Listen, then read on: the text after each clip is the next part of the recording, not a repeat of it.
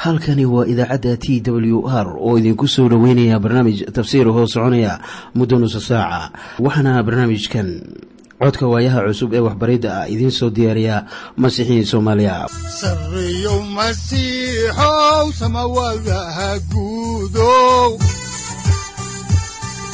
siraadkii adduunkow subanaha eebow sareyow masiixow samawadaha guudow siraadkii adduunkow subanaha eebow adigoo samada jiro ifkan soo saldhiganba adigoo samada jiro ifkan soo saldhiganba kutubtiisanaye udanogu saaciiday sharxin sifahaaga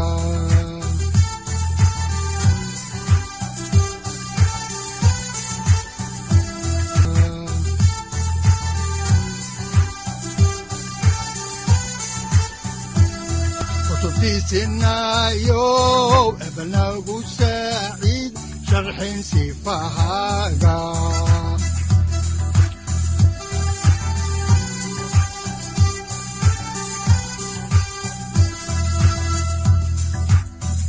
satirow ilaahow adanku su'aalne satirow ilaahow adanku su'aalne safarka kulibana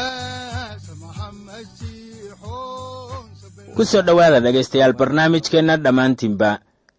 Waxaannu horay u sii ambaqaadi doonnaa daraasaadkii aynu ka soo xiganaynay kitaabka bilowgii ee loogu magacdaray baibalka dhammaantii waxaannu maanta bilaabaynaa cutubka kow iyo tobanaad ee kitaabka bilowgii. Waxaana mawduucyada aynu ka hadlaynaa ay kala yihiin kow dhismihii munaaraddii baabel iyo taariikhdii shem ilaa iyo ibraahim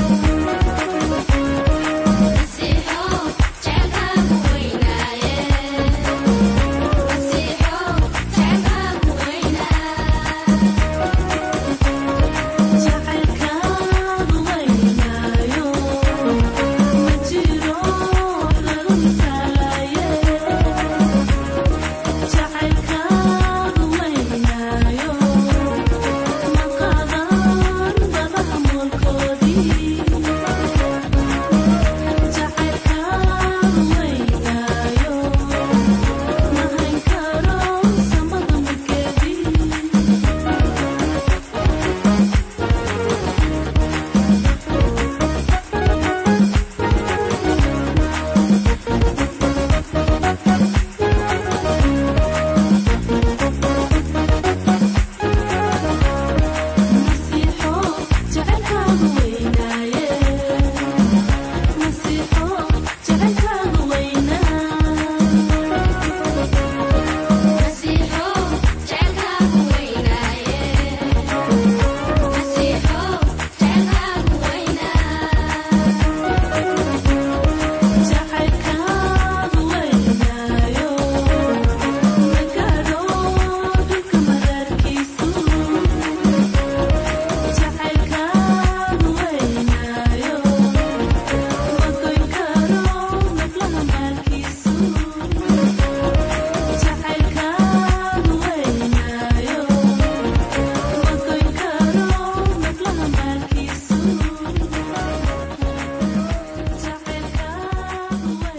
Markii noogu dambaysay waxaannu ka faalloonaynay wax ku saabsan abtirka bini'aadanka iyo sidii loo kala qaybiyey. Waxaanan idiin sheegnay inta qaybood ee ka soo farcantay nuux. Waxaanay kala ahaayeen sheem xaam iyo yaafet. Waxaanan idiin sheegnay in dadka madow ay ka soo farcameen kuush oo ahaa wiil uu dhalay xaam marka ay sidaas tahay ayaannu haatan eegaynaa xaalka ku saabsan dhismihii qalcaddii baabel cutubka kow iyo tobanaad aayaddiisa koowaad. Ayaa ku bilaabanaysa sida tan. Dhulka oo dhammuna wuxuu ahaa isku af iyo isku hadal keliya. Garan maayo luuqaddii ay dadku ku hadlayeen wakhtigaas.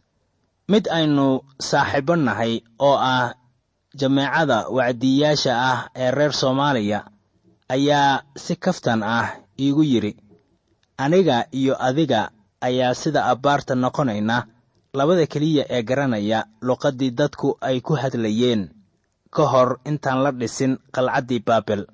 Waayo luqaddaasu waxay ahayd luqadda soomaalida ay ku hadlaan. Waa hagaag. Haddaan si daacad ah idinla hadlo waxaan gunaanad ahaan ku koobayaa in luqaddaasu ay ahayd mid aan la garanayn. Wixii luqaddaasu ay ahayd garan mayno waxaanse rumaysannahay wax kastoo luuqaddaasu ay ahaydba inay noqon doonto luuqadda samada looga hadlo. waana luuqad ka wanaagsan tan aynu maanta haysanno. waxayna luuqaddaasu leedahay magacyo qeexan falal falkaab iyo tilmaamo. haddaan horay u sii wadno faallada kitaabka ayaa waxaa ku qoran cutubka kow iyo tobanaad aayadda labaad sida tan waxaana dhacday markay xagga bari u sii socdaaleen inay waddankii shincaar meel bannaan ka heleen oo halkaas ayay degeen.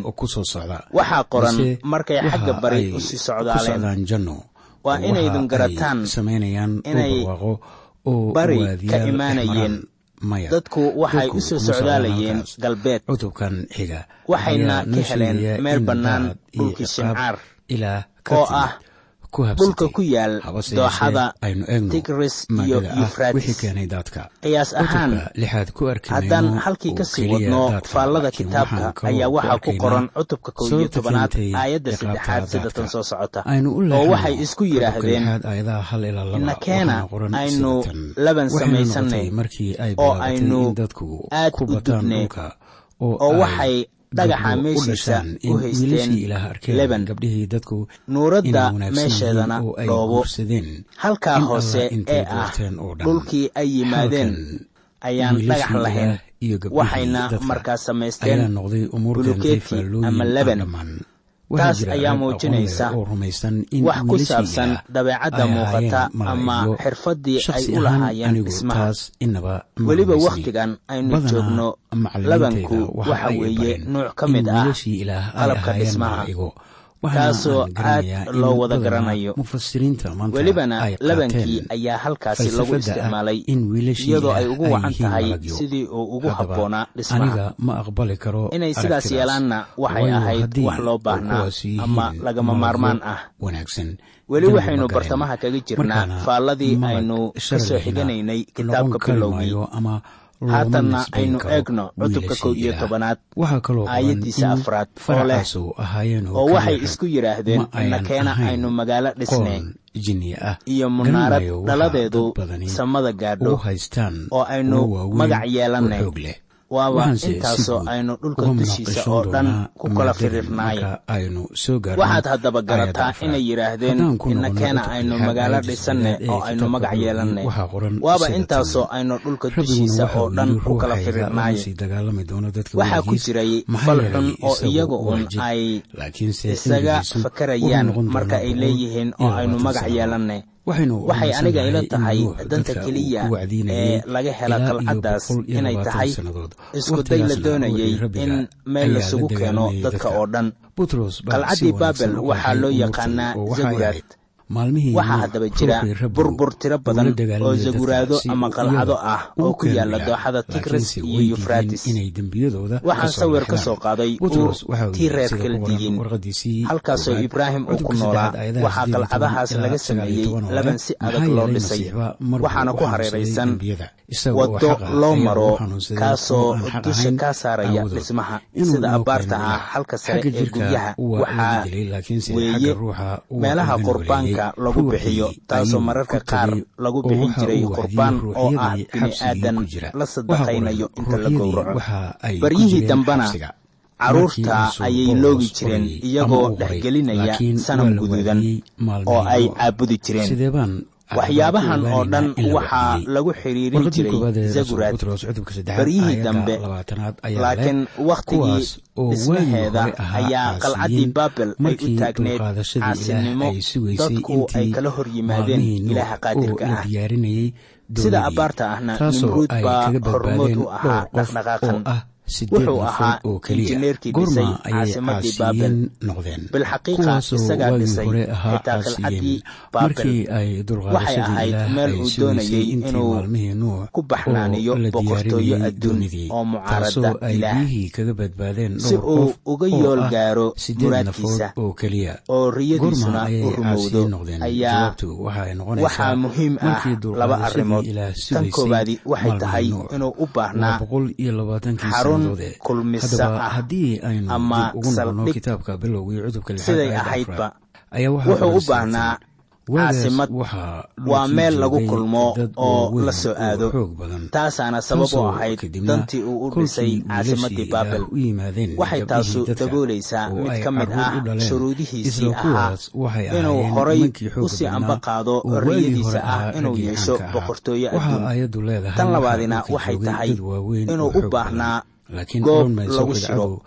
ma ahan deegaan un eh waxa weeye goob dadku ay ku soo hirtaan oo wax ka tarta cilmi nafsi ahaan dareenkooda wacyigelintooda oo laga helo soo jiidasho iyo qiiragelin suugaan iyo wadaniyadba leh waxay ahayd in halka laga helo taallo sidaad la socotaanba liinantiisu waxay ku taallaa meelaha shuuciyaddu ay ku kulmaan.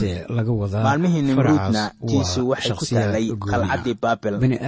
haddaba marka la leeyahay aynu samaysanno ayaa taasu ay u dhigmaysaa qaadacaad iyo caasinimo ilaah lagala hor yimid. marka la leeyahay aynu magac samaysanno ayaa taasu ay muujinaysaa qasad kibir ama isla weynin ah haatanna aynu eegno waxa ayan ahayn ama ka maqnaa munaaradii baabel. munaaradii baabel ma ayan ahayn meel loo dhisay magangal. haddii dhulka biyo hareeyo haddaba nimruud uma dhisanaynin magaaladan. qad ka fog heer biyuhu soo gaari karaan. sida mufasiriinta qaar ay leeyihiin xaqiiqdii. Waxaa taas aan u qaatay fasiraad ciyaalnimo ah oo aan xil layska saarin. si kastoo ay tahayba qabrigii ama taalladii liinan ma ahayn meel looga magan galo marka webiga volga la yidhaahdo ee ku yaalla ruusiya ama rusiya uu soo fatero maya haddaba taalladan waa munaaradan. waxay muujinaysaa kibirka qaadacadda iyo dabeecadda caasinimada leh ee dadka ay kala hor yimaadeen ilaah. wuxuu ilaah dadka ku yidhi waa inaad dhulka ku faaftaan oo aad buuxisaan laakiin dadku waxay ku jawaabeen sidaa yeeli mayno oo dhulka korkiisana ku faafi mayno waynu wada joogaynaa maxaa wacay? waynu kala baxnay adiga iyo innaga haatan. markaan soo gaabayo munaaradii baabel waxay ahayd mid ilaah looga soo horjeedo. haddaba bal eeg sidii ilaah ugu jawaabay dhismaha munaaradii baabel waxaynu haatan ku noqonaynaa bilowgii cutubka kow iyo tobanaad aayadaha shan ilaa lix oo leh rabbiguna wuxuu u soo degay inuu arko magaaladii iyo munaaradii ay bini'aadmigu dhisayeen oo rabbigu wuxuu yidhi bal eega iyagu waa isku dad keliya oo dhammaan isku af keliya bay leeyihiin. oo waxaanuna waa waxa ay bilaabayaan inay sameeyaan oo haatan wax ka hor joogsan doona waxay damcaan inay sameeyaan ma jiraane taasuna waa warbixin xoog leh maadaama dadka oo dhammi ay ku hadlayeen hal luqad ma ayan lahayn ama jirin dhibaato luqadeed oo hortaagnayd isfahamkooda way isku imaan karayeen oo isweydaarsanayeen aqoon iyo xirfad kastoo ay leeyihiin. Waxaana qoran oo haatan wax ka hor joogsan doona waxay damcaan inay sameeyaan ma jiraan. waxaannu inta ku arkaynaa in dadku ay lahaayeen dabeecad hoose laakiinkastoo dad lagu mashaqeeyey waxaa kaloo ay weliba ahaayeen kuwa isdilayanilaah ismogeysiin maayo caasinimadan waayo waa caasinimo isaga looga soo horjeedo. ilaah wuxuu doonayaa inuu dhex keeno dadka derbi adag oo kale qoqobaiyo inuu dhex dhigo xayndaab.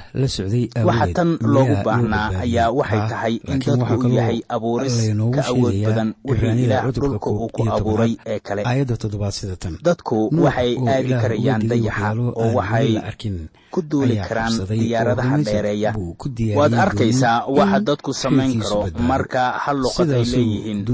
hadday iyagoo dhan ilaah ka hor yimaadaan haddaba waxaad eegtaa wixii ilaah uu sameeyey sida ku qoran bilowgii cutubka kow iyo tobanaad aayadaha toddoba ilaa sagaal oo leh. inakeena aynu degne oo halkaas aynu afkooda iskaga qasne yaan midna midka kale hadalkiisa garanayna kolkaasaa rabbigu halkaasi uu ka soo kaxeeyey uu ku kala firdhiyey dhulka dushiisa oo dhan. oo dhisidii magaaladii way joojiyeen. Sidaas daraaddeed magaceedii waxaa loo bixiyey baabel. maxaa yeelay halkaasaa rabbigu uu afkii dhulka oo dhan isaga qasay oo halkaasuu rabbigu ka kaxeeyey iyagii uu ku kala firdhiyey dhulka dushiisa oo dhan haatan dadkii waxaa lagu kala yaaciyey dhulka darfihiisa oo idil way u wada jireen caasinimada laakiin iyagu midba kan kale ma uusan garan karin. waxaad garanaysaa in xayndaabka luqaddu ay la mid tahay sida derbi ka dheer kii shiinaha uu lahaa. welibana uu ka dheeraa kii baarliin kana xoog badnaa. waa derbi kala qoqoba dadka. waana ka xoog badnaa xuduudaha qaramada u dhexeeya ee la ilaaliyo iyo badahaba taasoo loola jeedo wax laga gudbi karo ma ahan qoqobka luqadaha waxaa haddaba waxaa jira dad badan oo yidhaahda luqaduhu si tartiib tartiib ah ayay u soo baxaan. laakiin ilaah wuxuu yidhi aynu luqadahooda isku qasno. si iyagoo halkaa jooga oo wax dhisaya ayaan is-afgaran. mashruucii dhismaha ee socday ayaa istaagay. dadkiina way ka tageen baabel waxayna aadeen jiha waliba meesha ka dhacayna waxay ahaayeen wax xoog badan. wixii halkan ka dhacay waxay ahaayeen iyadoo qof waliba uu bilaabay luqad yaab leh inuu ku hadlo iyadoo midba kan kale aanu garanaynin waa mucjizo in qofii wax uusan aqoon ku hadlo waa yaab iyo in qofkii kalena u maqlo ama fahmo wuxuusan garanayn. Ayaa iyana mucjiso kale ah haddaan milicsanno sida ku qoran kitaabka muujintii cutubka toddobaad aayadda sagaalaad ayaa waxaa ku qoran oo bal eeg waxyaalahaas kadib waxaan arkay dad fara badan oo aan nina tirin karin oo lagala soo baxay qurun kasta iyo qabiil kasta iyo af kasta oo taagan cabsiga hortiisa iyo wanka hortiisa. iyagoo qaba qamiisyo cadcad gacmahana ku haysto caleemo timire faracii maadaama uu yahay faraca lagu soconayo ama la raacayo ahdigii hore oo dhan. haddaba aynu u jalleenno kitaabka quduuska ah oo isla eegno bilowgii cutubka iyo tobanaad aayadda tobanaad. waxaana qoran kuwanu waa farcankii sheem sheem wuxuu jiray boqol sannadood oo laba sannadood oo daadkii ka dambaysay wuxuu dhalay arfaksad aayadaha xiga aayaddan tobanaad ayaa laynagu siiyey abtirkii ama faraciisam waxaa haddaba ku qoran cutubka kow iyo tobanaad aayadaha afar iyo labaatan ilaa shan iyo labaatan sida tan. Naaxorna wuxuu jiray sagaal iyo labaatan sannadood wuxuuna dhalay macaaniga magaciisaxorna markuu tarax noolaa boqol iyo sagaal iyo toban sannadood. wiilal iyo gabdhana uu dhalay. Waxaad arkaysaa inaannu raacayno faracii tarax. maxaynu u raacaynaa faracii tarax. waxaad haddaba eegtaa aayadda xigta ee lix iyo labaatanaad oo leh taraxna wuxuu jiray toddobaatan sannadood. wuxuuna dhalay abraam iyo naaxoor iyo haaraan. iminka waxaannu doonaynaa inaynu raacno farcii abraham. kaasoo aynu u naqaano ibraahim. Waxaynu raacaynaa farcii shem dabcan baibalka oo dhan waxaynu daba soconaynaa faracan ereyga ilaah wuxuu si toos ah u raacayaa faracan ilaa ay ku timaado isku tallaabtii ciise. ilaah wuxuu waxyaabahan oo dhan u qoray bilow ahaan ilaah haatan wuxuu dadka u tilmaamayaa inay yihiin dembiilayaal dhacdadii qaabiil iyo tii haabiil waxaynu ku arkaynaa in qaabiil uusan garanin inuu dembiile yahay. waxaynu ku dhex arkaynaa qaabiil tilmaamta ah kibirka nolosha. markii aynu milicsanno daadkii waxaynu arkaynaa dembiga jirka. waayo dadkii waxaa la siiyey dembiga jirka. waxay samaynayeen sharnimo oo malaha qalbigooduna wuxuu ahaa shar waxay ka indha la'aayeen baahida ilaah. dadku u baahan yahay waxaanay dhegaha ka furaysteen hadalladiisa. ilaah way ka dhinteen oy ku dhinteen xadgudubyadoodii iyo dembiyadoodii. Ilaah wuxuu siiyey iyagii haddana fursad kale. Markii nuux uu ku martiqaaday doonnida waxay quursadeen casumaadii nebi nuux oo waxay ku sii jireen dembiyadii jirka. waxaan kaloo ku aragnay munaaradii baabel sida dadku ay u doonayeen weli inay sii dembaabaan oo ay ku caasiyaan ilaah. Taasuna waxay ahayd markii ay damceen inay dhistaan munaarad dhaladeedu samada gaadho. haddaba adigu miyaad leedahay qalcad adiga ku gaar ah ee aad dhisatay oo aan ula jeedo miyay jiraan wax la mid ah qalcaddii baabel oo ilaah kaa fogeynaya.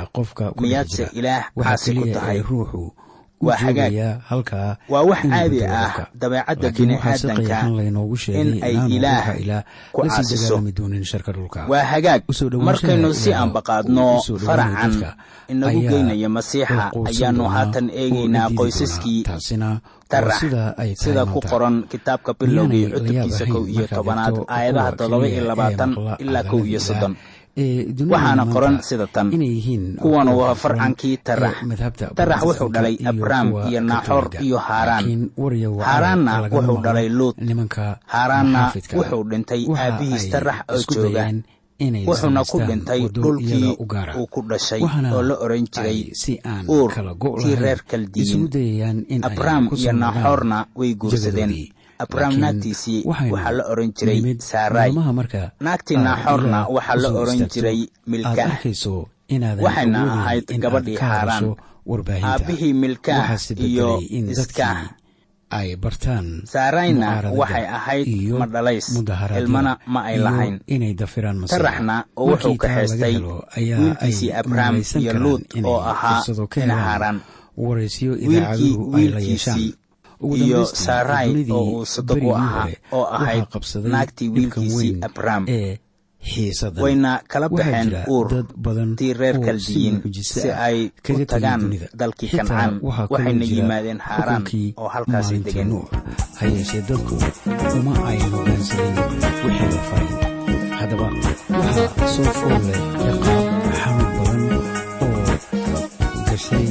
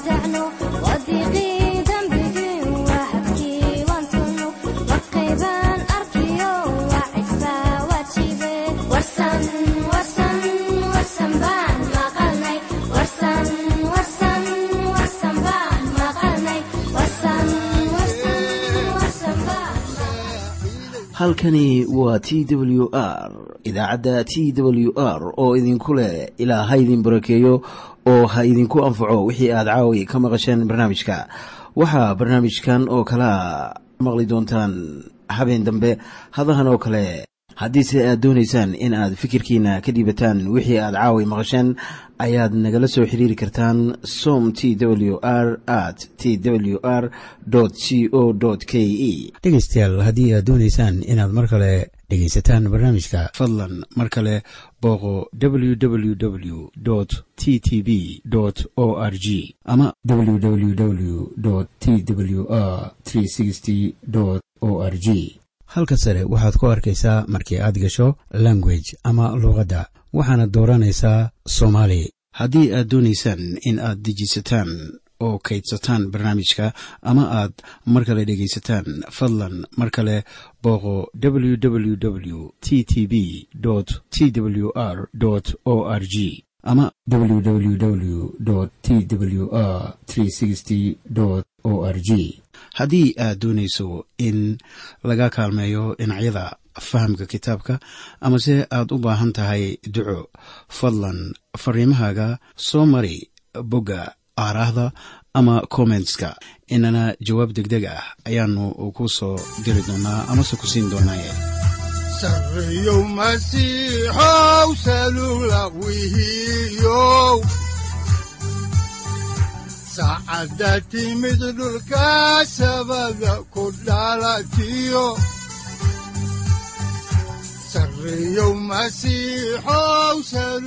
halkani waa t w r oo idiin rajaynaya habeen baraare iyo barwaaqaba leh inta aynu ka gaari doono wakhti aynu ku kulanno barnaamij la mida kan caawayay aad maqasheen waxa aan idinku leeyahay nabadda ciise masiix ha idinku badato xagga jidhka iyo ruuxaba aamiin